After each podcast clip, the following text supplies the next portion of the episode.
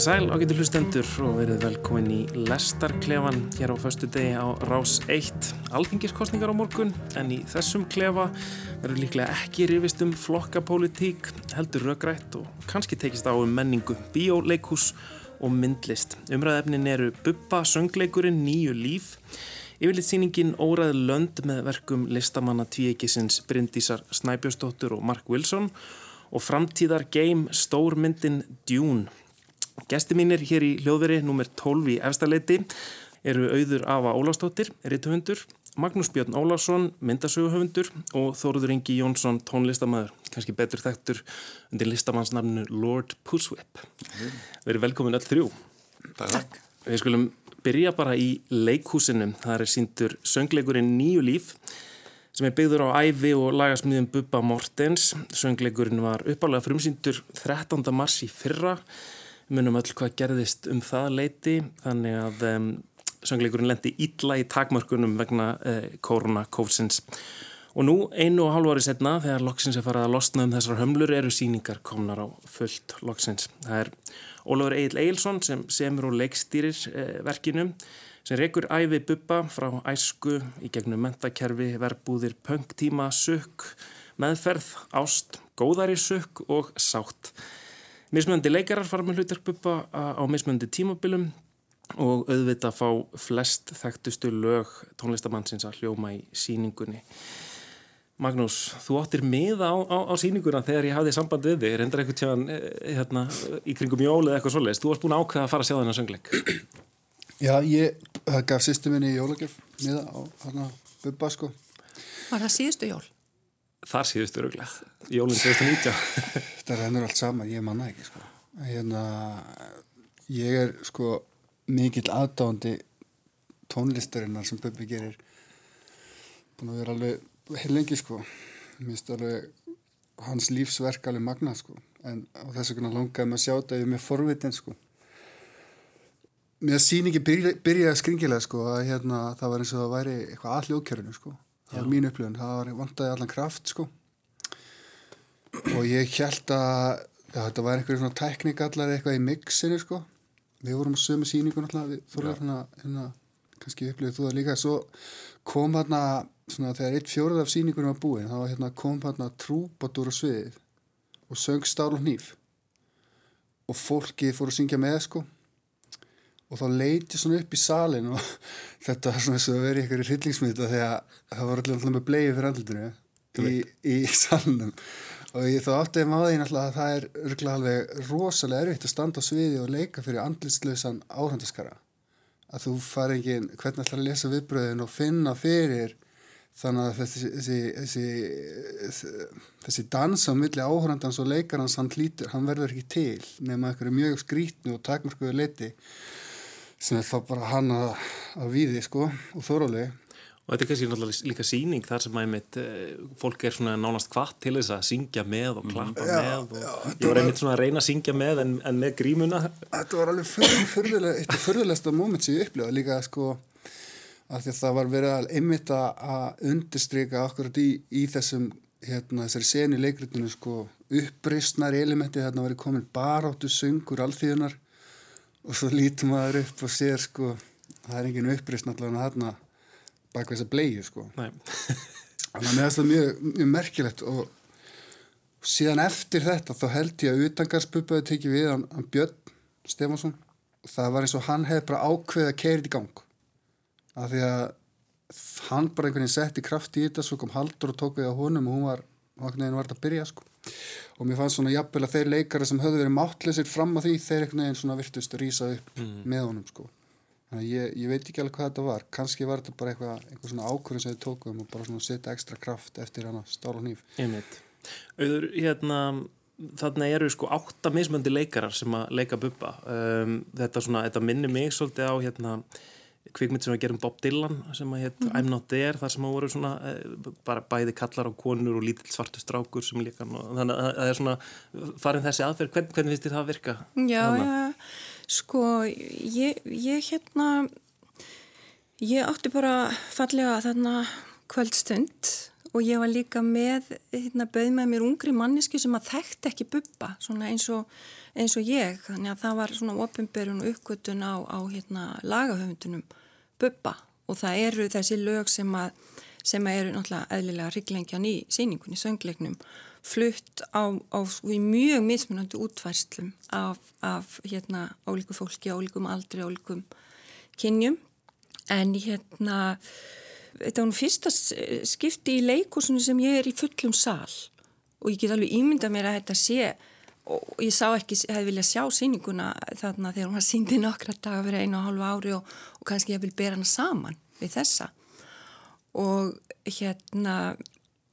get ekki ímynda mér til dæmis hvernig það hefði verið að gefa út bók og eiga svo að tala um hana einu og hálfu ári síðar. Já. þannig að þetta er kannski einhver, einhver spurningum þennan orku og, og uh, að keira þessa síningu í gang þannig en það má kannski segja sér tíman að tákna konan sem var undan mér í, í hérna, byrjuðinu við ingangina hún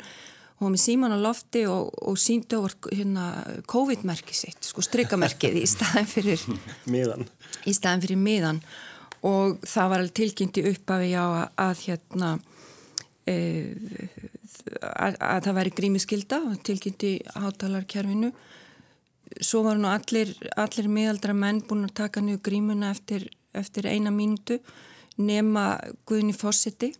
og þetta var svona eins og að koma aftur í þessa sko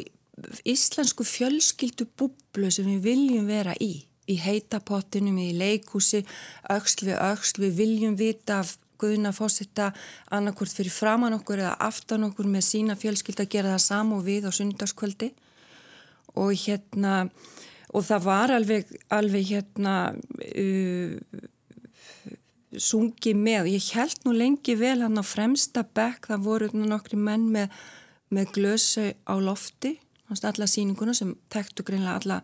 alla tekstan og ég held það var hluti af sko, síningunni, af því að það var ljóskeisli sem fjall á þá.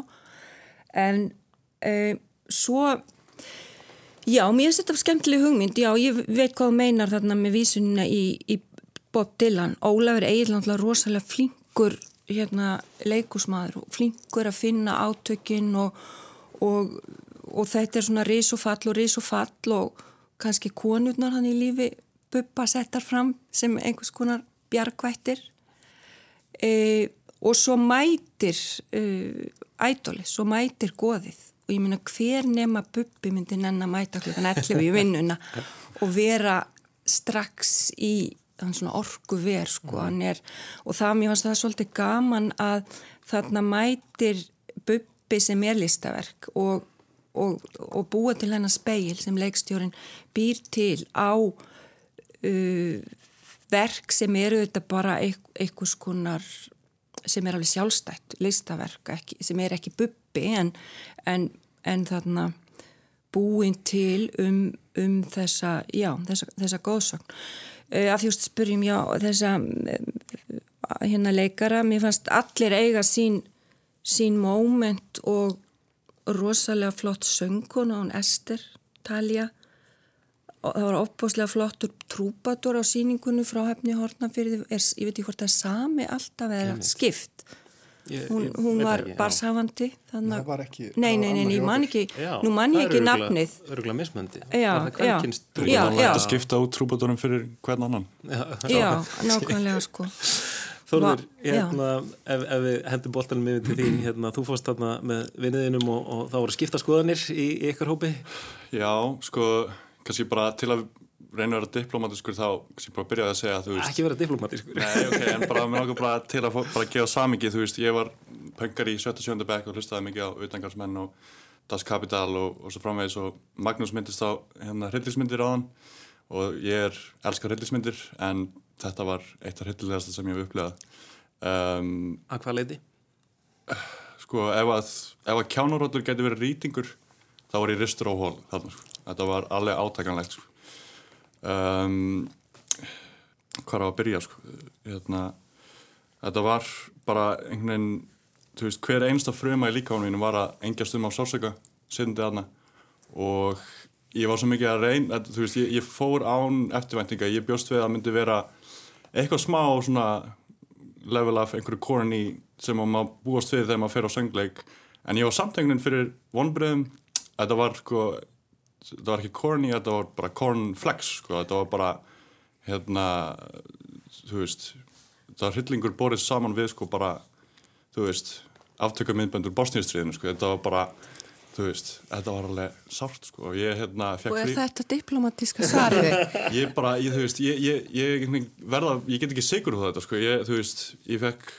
frían miða þarna en mér langaði samt í peningarna mín aftur sko, þetta var alveg bara Hvað fannst þið verst? Hvað, þetta var verst hvað, það var eins og sko það var allir í svo mikilli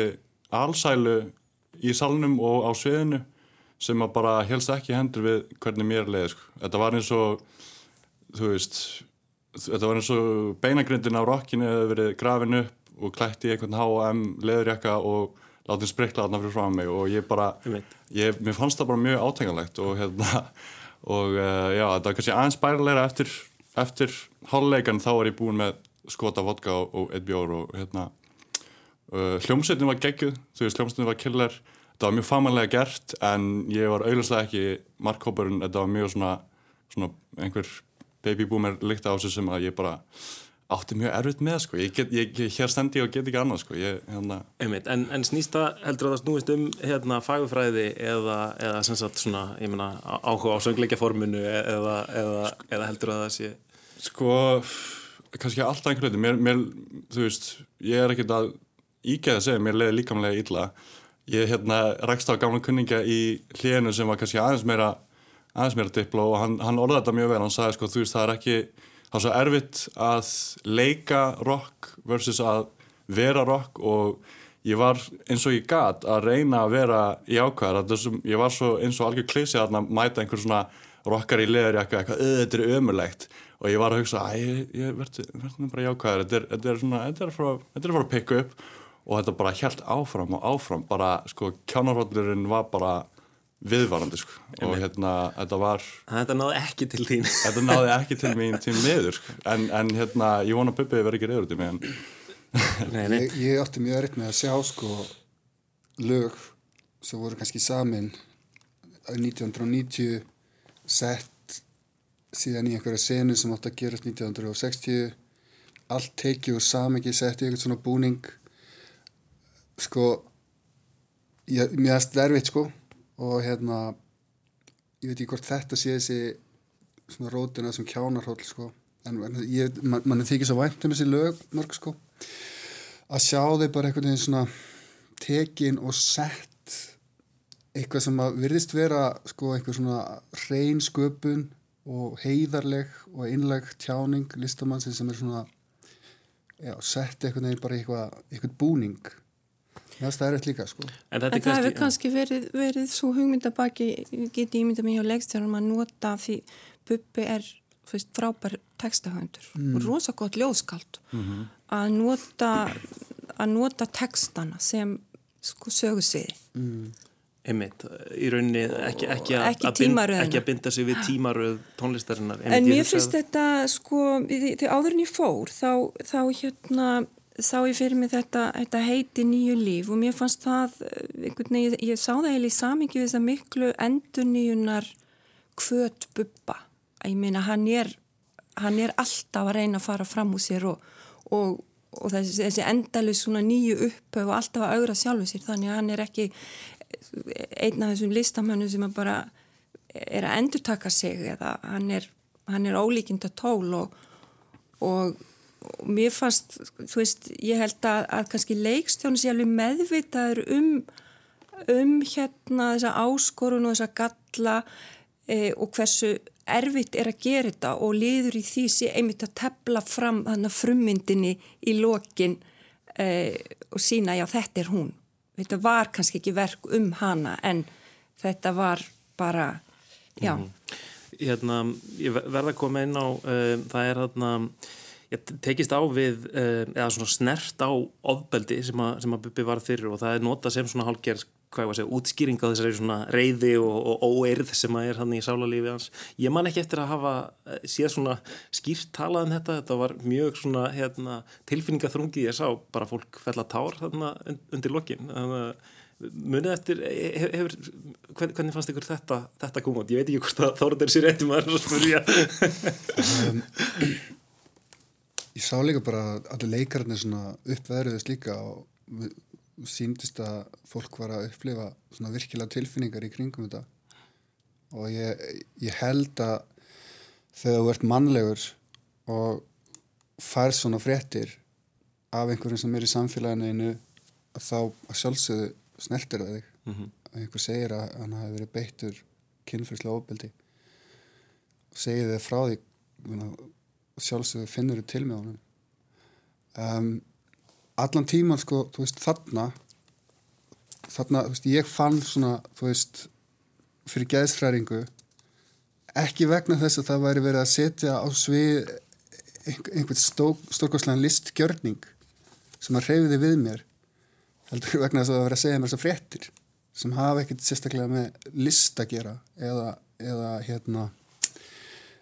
einhverja stórgóðslega hæfileika sem að veist, reyfa við manni þannig, heldur bara fréttirna sjálfar. Og þess vegna sko, ég var að spyrja mig allan tíman á meðan á leikurinu stóð sko, þú veist, er í lægi að setja þetta á sviða meðan maður er ennþá lifandi?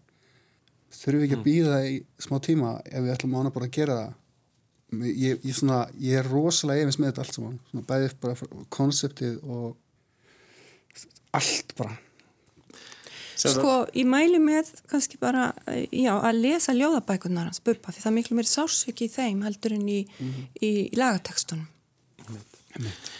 Um, en þetta er allavega, þetta er eitthvað sem að höfðar til mjög margra, allavega eh, virðast hérna, margir sækist í að sjá þessa síningu, eh, enda forveitnilegt og, og þetta virðist vera svona ákveð, ákveð trend núna að gera æfisögur, hérna, æfisögur þekktra íslendinga eftir að Elli sló svona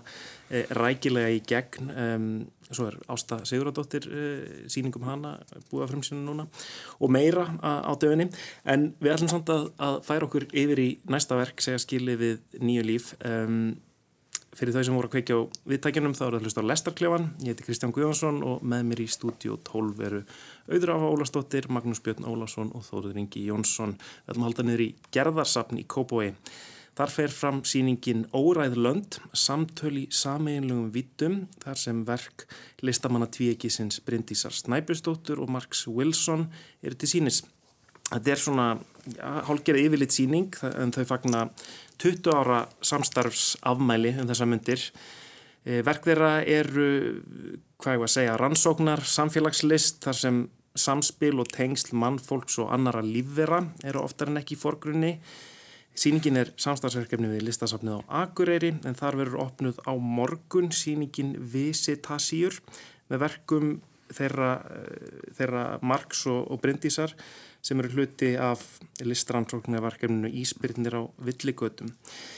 Um, þetta er svona stórsýning og það er mikið í gangi að þarna. Um, auður, hvernig var þín heimsókn þarna í gerðarsafna? Já, þetta er yfirleitt síning í þeim skilningi að, að uh, verkin, ég held að sem 20 verk sem má spanna 20 ár á ferli tvíekisins og hjónana, Bryndisa Snæbjörns og, og hérna og Mark Wilson. Og uh, þetta, þau eru að, að hérna, já, fást við tengsl mannsins eða manndýrsins og annara dýra og umhverfisins. Og það er uh, vistfræðileg ég minna í þessum verkum. Þetta er, þetta er maðurinn að að þrengja að öðrum dýrum í sínu náttúrulega umhverfi en það líka miklu meira í þessu marg, margi vinklar og marga spurningar sem þau velta upp sem eru mjög spennandi og meðal annars hérna það, það koma þeir eru líka að takast á við þarna gæludýr og, og, og, hérna, og húsdýr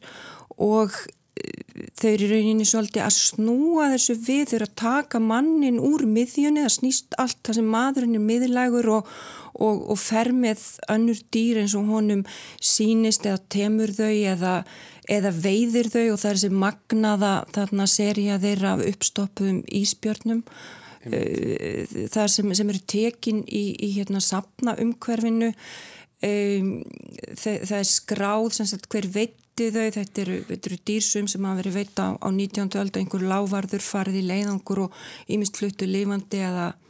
eða dauð til Svo er það einhverju geimslu Já, já, svo er einhverju geimslu og þau er algjörlega hilarius fyndnar myndir þarna við það mikill húmor í þessu líka sko, sásækju húmor að eh, þarna við hliðin á brjóstmynd af, af einhverjum einhverjum hérna lávarðinum. Ofbóslega fallegt verk þarna með grænlenskum sleðahundi sem að ymmit snýr við því að maðurinn er allt í norðin háður þessu dýri, hann er orðin verndari, hann er, hann er þarna vörðurinn, hann er félagið þeirra og hann er, hann er hérna, hann er gælutir og það er svona bara, það er svo margar spurningar um það sem, sko maðurinn sést hverki í þessari mynd, það hverki en, en hérna og þau, þau hafa sjálf unnið mikið á staðnum, þau hafa unnið með vísindafólki, þau hafa unnið með, með hérna eins og vinnaði náttúrulega eins og myndlistamann í, í marskona miðla. Og uh, það er þarna uh, þú veist hugleiðing ofbúslega flott um þessar útigangskindur þarna á fjallinu tálkna við tálknafjörð sem að urðu eftir og voru þarna árum saman en voru svo hérna fangaður og aflífaðar fyrir svona hvað tíu árum einhverja fjallinu fyrir björg og voru búin að þróast, voru taldar að við lengri leggi og það er hérna algjörlega stórkoslega portrétt af þeim eins og svona eldri prófastum Já, Og ég hugsaði eins og þetta væri svona eins og svona fangamyndir eða eitthvað svoleiðis Já, eða, já, já. eða svona af einhverjum útlögum eða, eða eitthvað svoleiðis ég hugsaði, Mér finnst magnað að hafa bara flúið og hlaupið fram að björgunum, sko. það er alveg frekar, frekar hella. Sko. Já, og þetta er líka að sína hvernig maðurinn bregst við þeim dýrun sem að eru, veist, óþekk. Þau eru hérna, þau vil ekki vera hústýr. Hvað gerist þau verða vilt? Hann verður alveg rugglar, hann veit ekki hvað hann á að gera. Hann, hann verður bara að aflífa þau. einmitt Þau fylgja ekki reglum mannsins. Mér finnst þetta svona það skemmtilegast, þetta er svo skemmtileg síning eins og þú veist að segja með húmórin sko Eh, þegar við erum svona á þessum okkar tímum ofta að tala um einmitt þetta samband manns og náttúru þá er umræðan oft svo ótrúlega morbid og leiðileg og það er hérna við hefum bara náttúrulega skammast okkar fyrir að vera manneskjur. En það var svo mikið gleði þarna það er mi- miklu miklu dýbri skilningur held ég. Það er svona einhver fyrirgefning þarna að því að þau líti ekkert á mannin listamenninni náttúrulega, þeir eru sína okkur sína sín líti ekki á mannin sem uh, uh, segan verðist vera heldur bara sem hlut af þessu umhverfi og saklausan á því leiti að hann er bara dýr eins og hinn dýrin og þá verður þetta allt svo absúrt eitthvað. En mér fannst samt vera svona, alltaf einhver svona einmitt undirliggjandi harmur samt í húmórnum eins og bara með íspynnina þú veist, mér fannst það skemmtilegt, skemmtilegt verk en það er það er samt ógeðslega sorglegt oh, Þegar ég mætti þá, þá var hérna, dýr, þá var fulltrúi frá jöklaransóknarfélagin að halda einhvern svona fyrirlastur og það bara vildi svo til að, að þessi síning væri um, um samband manns og náttúrunar og svo framvegis. Og ég er alveg að sammála senastu tveimur ræðumennum en þú veist það var svona, þú veist stóðið fyrir mér líka að það var smá svona vakti upp einhverjar hryllilega tilfinningar innan með mér, ekki buppa hryllilegar en, en svona þú veist þessi spurningu um ránirkju og, og hérna hvernig áhrif við höfum á náttúruna og, og allt þetta og, hérna, og þess vegna var líka gaman að vera nýkomin af Dune sem að, að hluta til fjallar um þessa ránirkju og, og hérna og, og þessa svona vistfræðilegu pælingar. Einmitt, algjörlega. Hérna, já, það, þetta er svona, um, það er alls, alltaf verið einhvern veginn að reyna að uh, hverfa frá svona þessum svona mann, mannmiðju hugsun einhvern veginn um, um heiminn sem, hérna, sem, sem er náttúrulega mjög áberandi víða í samfélaginu meðal hans í heimsbyggi, ég veit að þú lærir heimsbyggi, eh, Magnús, um, svona einhvern veginn að reyna af, af já, að koma manninum einhvern veginn úr, úr miðjunni. Og, og breytum tímaskala og stærðarskala og stækka upp þessi, þessi fræ þarna í einhvern skala sem að er allt annað heldur en manns augað getur Ótrúlega skynjað. magnaverk, lítið fræ sem að var þarna yfir heilan vegg. 8 metra stórt uh, vegg, einmitt að ruggla með það sem er lítið og stórt og svo flott einhvern veginn hvernig, þú veist, einsemt þessa grænlenska hund eins og í, þú veist, rómatísku 19. aldarverkja sem maðurinn er venjulega einn svona íhuga heiminn, þannig að hundurinn er íhuga heiminn og líka, þú veist, gæludýrin fletin þeirra, það var eins og maðurinn byggi hjá gæludýrin en ekki öfugt. Og mjög skemmtilegt verk sko, al, alveg eh, ansi, ansi hérna svo realist þarna með gæsaveiði mennina sem var látni skjóta á, á, á kort á Reykjavík og síðan var ringt í þau heimili sem að höglin lendu í og aðtöða með gæludýra eignina og svo listi yfir, yfir nöfnin á, Einmitt. á þeim og, og alveg svona vísindarlega rannsaka hversu margir hundar, hversu margir kettir, páakukur þarna og kanína og hérna já, nöfnin á þeim. Ég sá að vera eitt hundur með ættanafn held ég, snati tórs. En annars var líka alveg snúla og svona. Þetta var, já, þetta var hérna Þetta, það var skóla hópar þannig af börnum og ég mæli með því að það fari þannig fjölskyldur og það eru endalis umræðefni sko með. Þetta er náttúrulega svona síning þar sem að maður, ma maður þarf svona kannski svolítið að velta hlutunum fyrir sér og maður, það er alveg gott að lesa textana þarna við liðin og verkunum og svona en þetta er samt einhvern veginn, já, þetta er svo skemmtileg síning einhvern veginn. Hvað sem Magnús tók að vera orðið á það ekki? Já. Nei, ég, ég ætla ekki að segja neitt en ég, ég glemdi þarna alveg í tvo tíma sko. Já, örgulega lengur, ég bara hérna mér einhvern veginn bara í þetta og, og hérna mér fannst maður bara líka uppsetningin á síningunni svo góð, hvernig mann er leittur í gegnum þetta. Hérna byrjuði þarna verkinu Íslenski fugglar það er búið að skipta íslensku fuggla hérna uh, íslensku fugglanum út fyrir págögga og hinn eru uppstoppaðir. Og mér finnst þetta einhvern veginn þetta var svo mikil galdur sko því að þú veist að vera að fjalla um svo harm, harmþrungin viðfangsefni að veist, allt er að fara að hverfa og hérna það sem við hefum þá eftir, allt mun breytast allt er forgengilegt og við munum allt deyja og svo er húmórin alltaf. Og bara, það kemur eitthvað nýtt, hérna eru págöggar fyrir því í staðan fyrir þessu íslensku fuggla því að við erum að fara, þetta mun allt breytast og hérna Og líka kannski vist út frá heimkinnunum það sem við kallum íslenska fuggla þeir, þeir búa nú erlendis mestan part ásins og hérna og svo aftur þessi páagökk maður getur alveg ímynd sér að þetta séu gæludýrin sem, sem búa hérna allt árið í sínum búrum. Einmitt. Og svo, svo er þetta auðvitað, einmitt, maðurinn um, hefur svo mikil áhrif allt í kringum sig að, að dýrin náttúrulega laga sig að þessu og, og það er kannski það sem eru líka skoð eins og í þarna verkinu með mávana og, og svona öll þessi dýr sem að, sem að laga sig að einhvern veginn mannlega, mannlega samfélaginu og, og svo eru þarna sögur sem þau voru búin að sapna hérna, á, fram á ganginum þannig á milli salana þá gæti maður farið svona inn í einhvern svona hljóð hjálm þar sem að maður fekk sögur þar sem fólk er að tala um, tala um dýrin í umhverfinu sinu og hérna og, og við náttúrulega einhvern veginn við einhvern veginn viljum döið hreinsa allt umhverfið okkar þannig að það sé engin dýr viljum ekki að sé rotta eða eitthvað svona svona uh, dýrin eiga að vera rétt um stað sko, Já. þegar að vera í rétt um flokkum sko. ef við erum einhvers staðar úti í náttúrinni þarna úti Já. en ekki í, í návíu við okkur einhvern veginn Ég held þetta sé, þú veist, mér finnst þessi síning eins og þess að þetta er svona frábær síning fyrir fóreldra að fara með krakkana sinna á og spurja grundvallar spurninga um eðli tilverunar og stöðu mannsins og ábyrð okkar hérna á þessari jörðu en líka til þess þá að sína krökkunum hva, hvernig list getur vakið spurningar þá getur það, svo kjöru tækifæri til þess að læra að meta það að fara á listasýningum með því að eiga þetta samtal og vera þannig inni og njóta þess. Það eru svo margar spurningar sem verður að spurja sig og, og, og, og galdurinn þarna það er enginn að þvinga þig til þess. Þetta er allt svo lúmst, þetta er allt svo létt, þetta er allt svo undirliggjandi þarna. Þú þarft að fara sjálfviljur og nálgast þetta. Þetta er ekki svona predikandi Nei, og sem er kannski líka bara rótin af þú veist, sönnum breytingum. Þær þurfa að gerast innra með þér. Þú þarfst að taka ákvörðunum að vilja taka skref í einhverju átt. En ef einhver ítir eitthvað þá er það ekki að koma frá þér sko. Það var, ég ég er mjög hrifin að Algjörlega, algjörlega sammála. Við mælum með henni uh, og hérna bæði fyrir þá sem að, að þekkja verk Bryndísar og, og, og Mark svo geta þá rifjað þau upp og hitt hana góðkunningi og líka, líka fyrir þá sem að ekki þekkja þau. Þetta er, þetta er mikið svona einmitt, það fyrir mikil rannsóknar vinna í þetta, þau, þau dvelja á einhverjum stöðum og svo, svo er þetta um, það sem að, ég, ég veit ekki hvað það er nákvæmlega kallað, en mér finnst þetta að vera, hafa verið svolítið ábyrjandi und, undanfærin ár, svona einhver svona arkífurlist, það sem er eiginlega verið að skrásetja einhverja hluti úr einhverjum söfnum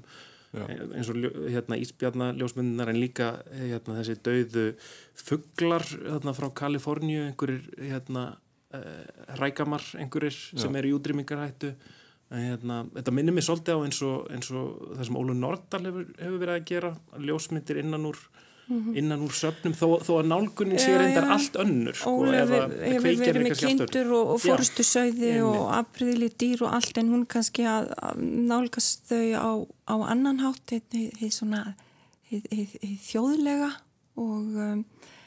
þetta er þetta er aðeins hérna, aðeins ólíkt á þeim en það er alveg rétt að þau vinna þau vinna svolítið eins og vísindamenn en setja þetta fram eins og, eins og myndlist og þau hafa unni út um allan heim og ég held ég fari rétt með það að Bryndis Snæpjastóttir sé eini íslenski myndlistamæður með, með doktorskráðu og einmitt í svona rannsóknar tengdri myndlist. Þau hafa kent mjög víða, þau hafa verið sérstaklega mikið á norðurslóðum sem kvítaheimi, mm -hmm. hverfandi kvítaheimi en, en hérna, uh, já, ég er náttúrulega orðin profesor hérna við, við myndlistelt listaháskólans. Já, þetta er sem sagt óræð lönd sem að um, stendur yfir í gerðarsafni í Kópói en við ætlum að skella okkur í bíó síðasta umfjöllunarefni Lestarklefans eh, í dag er framtíðar geimyndin Dune í leikstjórn Denny Villeneuve Það hefur verið beðið eftir myndinni með mikill eftirvæntingu. Ekki aðeins er þetta rándýr stórmynd með einum heitasta kvipmyndagerðarmann í Hollywood. Heldur er bók Frank Herberts frá 1965 sem myndin byggir á. Einhver mest selda og þekktasta vísindaskáltsaga setni ára. Haft gríðarlega áhrif í dægumenningunni og allræmt fyrir að erfitt sé að aðlaga hann að kvikmyndaforminu en ekki minni spámenin Alejandro Jodorowsky og David Lynch hafa báðir reynd sig við söguna með einhverjum hætti allavega. Ef ég reyna að þjappa stóri sögu í, í, hérna, í eh, nokkur orð þá gerist hún í fjarlæri framtíð þegar mannkinn hefur dreift sér um geiminn, býr á ímsum plánetum en við einhvers konar svona miðaldalegt léns fyrirkomulag. Aðalpersona sögunar er hertogasonurinn Paul Artretes sem flyttur á samt fjölskyldu sinni að undirlega í keisarhans til eigðimerkur plánetunar Arrakas. Það sem ekkert líf þrýfst nema ógnvænlegir sandormar og eigðimerkur fólk. E, fremen. E, á plánetinu er hins vegar krydd sem er eftirsótasta efni heims veitir hreisti langlífi og er eldsneiti geimferðalaga. Þannig að þetta er mikil, mikilvæg auðlind og þess að það leðir að sjálfsögðu til stríðsátaka. Um, og kannski nefna það líka að um, Jessica, móðir Póls hefur árleitt einhverjum svona duldum ofurkröftum sem gera það verkum að hann er einhvers konar uh, mögulegur messias um, það hefur verið lengi beðið eftir þessari eða svona alminleiri kvik, kvikmynda aðlöfuna að þessari, þessari bók Þóruður, ert þú einn af þeim sem hefur beðið? Sko ég hef aldrei lagt í að lesa Dune eftir Frank Herbert Uh, en ég svona veit, ég hef hort mikið á viðtöl við hann og lesið mjög mikið til um það og, og ég hef náttúrulega séð David Lynch myndina sem að lasa ekki heldur dún skilst mér sem er ógslafindið og hérna um, svo náttúrulega heimildamyndina Khodorovskis dún sem var mjög áhugaverð. Og já, hérna mér finnst það bara umlega, nei ég er þessu hún, hún var mjög góð, hún var gegg, hún var svona þú veist, þrjú, á, þrjú popcorn af fimm popcornum eða jáfnveil þrjú og hálf eða fjör popcorn. Hérna, þetta var svona eins og segir stóru mynd bara í órsins fylgstu merkingu. Ég hérna, man ekki eftir að sé svona háværa og skæra mynd áður, hún var bara, þú veist kallin við leðinum að var haldandi fyrir eirun allan tíman og ég veit ekki hvort það var decibel styrkurinn aðna í sambíónum en En, Sama hjá mér, sessunautur minn helt fyrir já, en, en hún var bara, þú veist, þetta var, það er ekki að segja annað, þetta hafi verið stórskendlega mynd, ég hérna, veit ekki hvernig að vera að sjá hana í bara sjónvarpinu heima þetta var mikið svona svona einhverju svona hérna, rollercoaster sem að fer í bíó svona þannig fílingur um, en það er líka bara, þótt að ég hef ekki lesið hérna, Dune eftir Frank Herbert þá, þú veist, eins og ég var að tengja það við þessa síningu, þá er þetta svona mjög við feðmar pælingar að, þú veist, hann er að draga úr svo miklu mörgum mismunandi hérna fræðigreinum og, og, og hérna, þetta er allt svona meða við meða við þú sögur, nútíma sögur og, og hérna sögur heimsins og hérna þú veist, það veikum hann líka bara, hún var kannski meira, hún er kannski meira svona uh, spá, hvernig sem var hérna, hún, hún spáði fyrir einhvern veginn um nútíðin, þú veist, hann skrifaði þetta í kaldastriðinu, en núna eins og þú segir þá er heimurinn kannski næstuði í einhverju svona léns skipulagi með hérna, stórfyrirtækjum á videodreif sem að í rauninni stjórna hérna kryttinu, þú veist, hérna, sem að getur verið ólja eða vatn eða hvað sem er og, og hérna og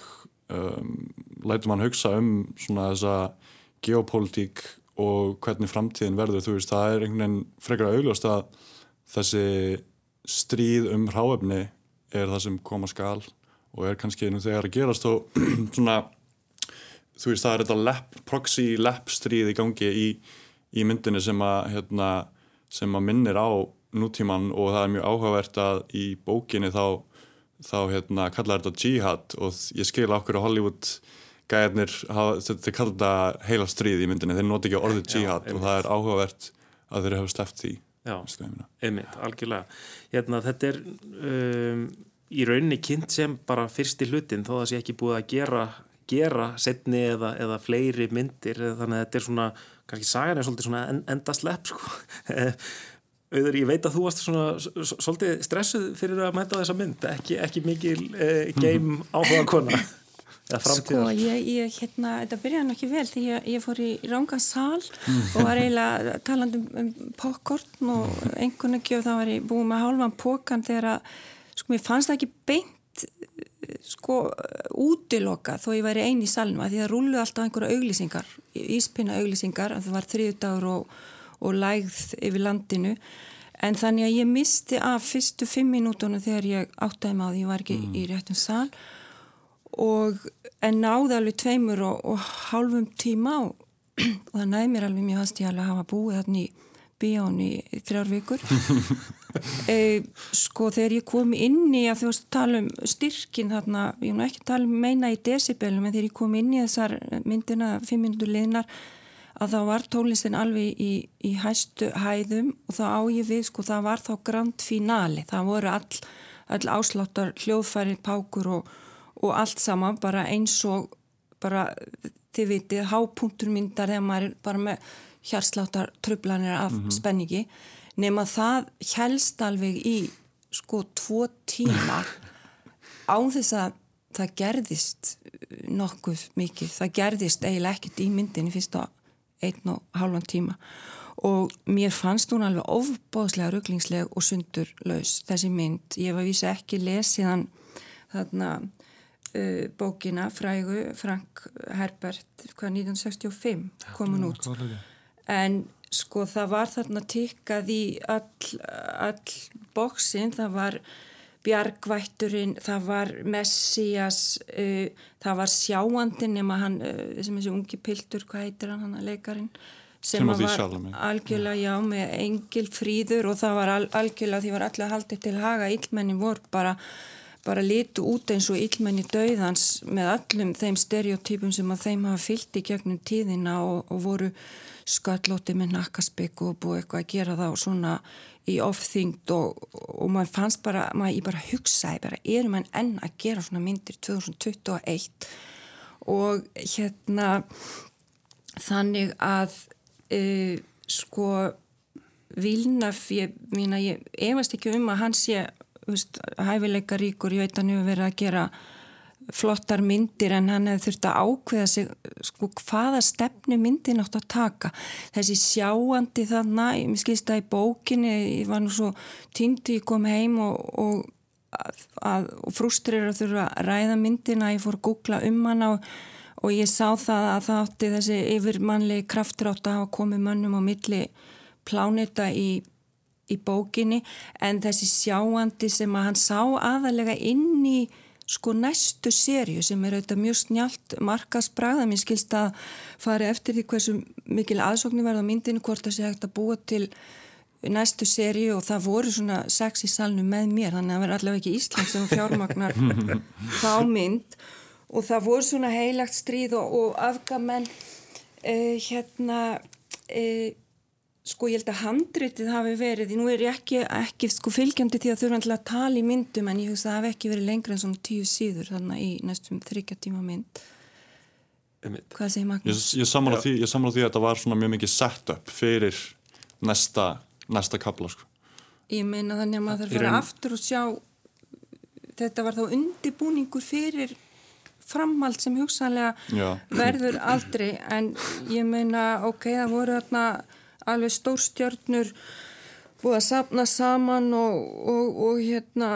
Javier Batem, ég vorkendi honum og hálma þekkt hann á röttinni en ég held að hann að vera mjög þakkláttur að vera eiginlega baku í svona eitthvað betuína slæður og sjást ekki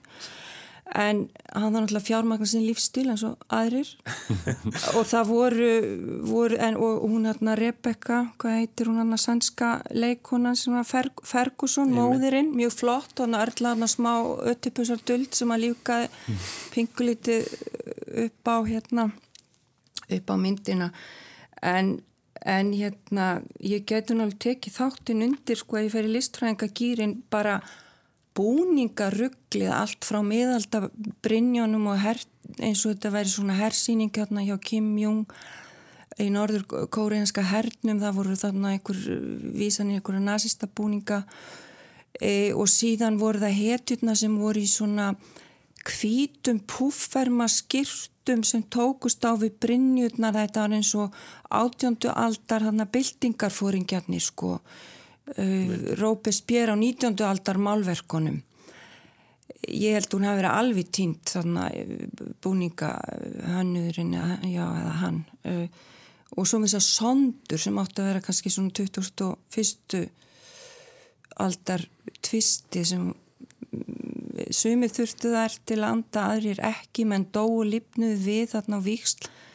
ég, ég verð því miður en gott að þórður er hérna til að verða það er myndina Þannig grunn, hérna Magnús, þú, þú varst að segja mér áðan að, að þú er bara farin að lesa bókina, var það til þess að skilja, skilja myndina eða var það því að þú, þú varst svo ánæður með það? Ég hef búin að vera svo forvitin um þessa bók svo lengi. Ég fekk hann að kemur þegar ég var átján ára og þá var hún mér einhvern veginn bara ofiða, horfa á þetta nýjendur blaðsina ferliki og oft skrifið á köflum og mjög þungri ensku og nú veit ég bara svo margt, ég er svo mikill Hotorovski maður og svo hundryggur honum og búin að sjá náttúrulega hérna uh, lindsmyndina Þannig að ég var mjög forvitin og ég hugsaði að ég verða að lesa þessa bók áður en ég fer á myndina. Ég náða að klára, klára mig gegnum svona fyrstu 300 síðunar, þetta var skammu fyrir vari. Ég var ástókin að þessari bók, hún er mistraverk. En nú er bókin ekki til uppræða, hérna myndin, myndin, hvernig var myndin? Myndin sko er einmitt því miður, ég hefði ekki átt að lesa þessa bók vegna þess að þá serðu strax að þessi mynd er bara, við erum orðið svo vöni núna, þetta er bara hérna, mikið spektakul eða hvað segir maður, mikið svona sjónarspil Sjónarspil, en, en það er ekkert innihald, ekki neitt. Það er senur eru einhvern veginn tengdar saman án þess að þeir séu gefin svona bæði sálrænar, tilfinningarlegar eða rökrænar forsendur til þess að skilja nákvæmlega hvað er í gangi. Það er allt einfaldað og uh, segir maður svona kötta niður two size til þess að uh, sko mér, mér fannst hérna mér, mér fannst hérna svona erfiðast að sjá líka bara svona spúnfítið í myndinni það, það sem að þú veist þú, það er augljóslega er eðimerkur stormurinn að koma því að hann tekur yfir eitt fjóruða skjánum og það er verið að binda niður þyrlunar Og einhver hrópar í bakgrunni, the storm is coming! er og myndin er alltaf einhvern veginn svona Já. að þeir greinilega ætla að hafa sko, með, með, þetta er svona uh, smætta dæmi um hvernig myndin er í heildsinni að þeir ætla að takast á við svona stóra og mikla bók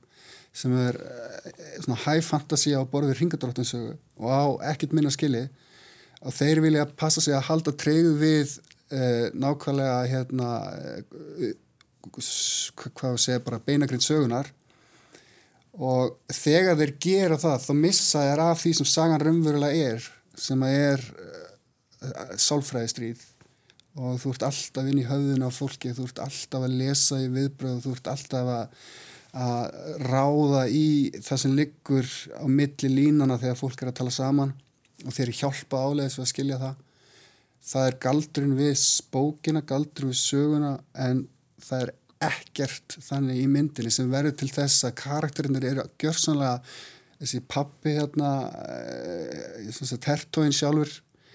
hann er mjög fallegu karakter í bókinni. Tvöfaldu karakter sem getur verið mjög grimmur en síðan getur hann líka verið mjög mikill uh, mjög mjúkur og fallegu pappi hann, í, í myndinni þá er hann bara svona non-karakter hvað var hann eiginlega? Eitt dýfsti karakter bókarinnar. Hann, hann, þau vantæði greinilega að hendin þarna einhverjum sem var af afrísk-amerískum uppruna og kona í þokkabót þannig að þau byggur til token karakter úr honum. Það var þarna svarti læknirinn sem kom. Já, það voru tveir litar, einn vondur og einn góður Já, það er alltaf að hafa einna, þú veist, þetta er bara svona tikk í bóksin og mér finnst myndir meira að minna öll svona. Þannig að jújú, jú, þú veist tónlistin það háa þú, mm. kaffarið er alveg og kaffart í svaka svona eh, stóru dótin að baka undir, undir þessu er ekki neitt. Ekki neitt og ég hugsaði bara Hollywood, Hollywood tekst virkilega að skemma bara allt. Það er ekkert sem þau tekst ekki að skemma. Og ég held að við séum orðin svo ónæm fyrir þessu að því að það er varðilega gefin út mynd í dag án þess að hún sé eitthvað spektakól það er verið að höfða alltaf til adrenalínsins eða, eða svona e, e bara svona dopamínsins frekar en að reyna að snerta sálinn í fólki sem er náttúrulega það sem við ættum að vera að gera. En það var eitt svona sjónrænt svo ég reynir nú að segja eitthvað fallegt sem að mér fannst já, fallegt þessi, þessi blagvangjur þessar fyrkjum með svona eins og flugguna vangjum og síðan eftir um það byrjt tvo tíma þá kom svona fimm mínútna hlið þar sem voru síndar sandöldur og þá fekk maður aðeins að anda og fekk að mm. sjá svona svona augnablíksfegurt mm -hmm. en það var eins og þú segir Magnús að það er endalst verið að henda inn eða þessum örfa og setningum sem er einhvers konar input en ekkit unnið úr þeim mm. þær eru bara algjörlega í lausu lofti ég man þessi setningu eins og ég hefði átt að giftast þér og það ja. er engin undirbygging og ekkit á eftir og maður veit ekkit í hvaða samíkjum niður svo bara kemur eitthvað annað Já, það einmitt, sko. en það er ein setning sem að, sem að hérna, ég samt sko man, man úr þessari mynd uh, sem að var einhvern veginn svona ég nenn ekki að berjast syngdu fyrir mig Einmitt. og ég held ég, þú veist, geta alveg hugsað mér að nota hana bara í ágreiningi mm. í framtíðinni ég nenn ekki að berjast bara Einmitt. Já, þetta var svona eins og ég, þú veist, ég er, þótt að ég skemmti mér ákveðlega í bíónu, það var ég samt aftur sammála senstu tömur aðeins, þetta var svona eins og ég sagði, svona rússibanna reið, frekar en kannski einhvers konar, þú veist, kvikmyndalist og hann hann er mjög, hann er góður leikstur, hann hlænst gerði mjög góða mynd 2013 á Enemy sem er, var mjög svona, ég myndi flokka undir þessa kvikmyndalist en þetta var svona, þú veist, eins og Scorsese talar um Marvel myndina sem rússýpanarreið, þetta var svona eins og það sjónarspil, spektakul og hérna, og, og já, hún var mjög rugglandi, þú veist, þetta var bara svona, þú veist, frekar svona létt úðug skemmtun fyrir mér frekar en eitthvað meistarverk en síðan kannski let, leta mig hugsa líka um sko uh, þú veist, fjarlæðina frá myndum eins og þú veist, 2001 og Alien og, og fyrstu Star Wars og eitthvað svona er það, spila það inn í það? En, en á endanum myndi ég samt alveg öruglega halda því fram að, að það væri mjög allan allans Alien og 2001, svona þessar stórmyndir sem maður hugsa um, þú veist, það er mun verið einhver svona listræn vikt í þeim frekar Já. en þess að þetta var svona ég veit ekki hvernig þessi mynd mun eldast en hún er mjög svona þú veist, rammin er mjög flottur skilur, þetta er svona, hún var, hún var þú veist það var greinlega mikið lagt í það en, en þú veist, það er náttúrulega ekkit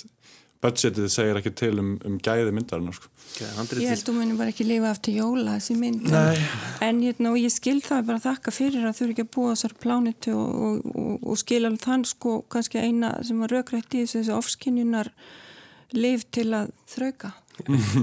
en svo er það kannski þetta þú, þú nefnir Star Wars að, að, að það er þekkt að George Lucas höfundur Star Wars myndana já, eiginlega bara greinilega stál sta, heilum helling úr, úr Dune. Þannig, þannig að sko mikið sko sagan er auðvitað einhvern veginn klísukend og maður hefur síðan áður í Star Wars myndunum og líka sjónrænt. Þá er þetta mér finnst þetta bara allt svo kunnulegt einhvern veginn að mér finnst þetta ekkit nýstarlegt og við þess að minnst á hérna, Star Wars og Alien og Hodorowski aðra. Ég minna Hodorowski dún heimildamindin fer út í það hvernig Hollywood bara einhvern veginn þessi mynd gekk ekki upp og síðan einhvern veginn voru bara svona þessir einhvern veginn hrækamað í bitana sem að voru í rauninni búinir til hérna, það var HR-gíkar og, og, og, og hérna lasergislasverðin og allt þetta, það kom allt frá, frá því rauninni sko. Mér finnst, mér finnst hann gera sér segan þessi leikstjóri í raun og veru hann er að stela líka úr djún hann tekur svona það sem er sölu vanlegast og setur það á, á kvitutjaldi en hann snildin og fegurinn við bókin hann skilur það alveg eftir. Og ég held, ég skil vel að hérna, menn hafi verið efins með þetta verkefni allir sem hafa tekist á það vegna þess að ég held að þú veist, ef þið sjáu seríu eins og Game of Thrones sem að fyrstu kannski hérna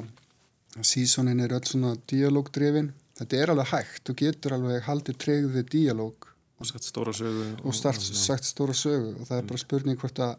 hvað þú velur að gera. Hann valdi þarna að fara í dopamin og. Við verðum að láta það vera uh, loka orðin, við erum komin að leiðalokum í lestakljónum þennan fyrstu daginn, við erum búin að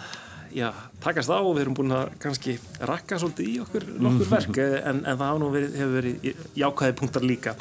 Um, Ég þakka ykkur kærlega fyrir komuna í, í lestina uh, Lestar Klefan, Auður Afa Ólastóttir Magnús Björn Ólarsson og Þóður Ingi Jónsson. Í næstu viku verður að Guðni Tómasson sem stýrir umræðum. En þanga til þá þakka ég Kristján Guðvansson fyrir mig, fyrir þið sæl. Takk fyrir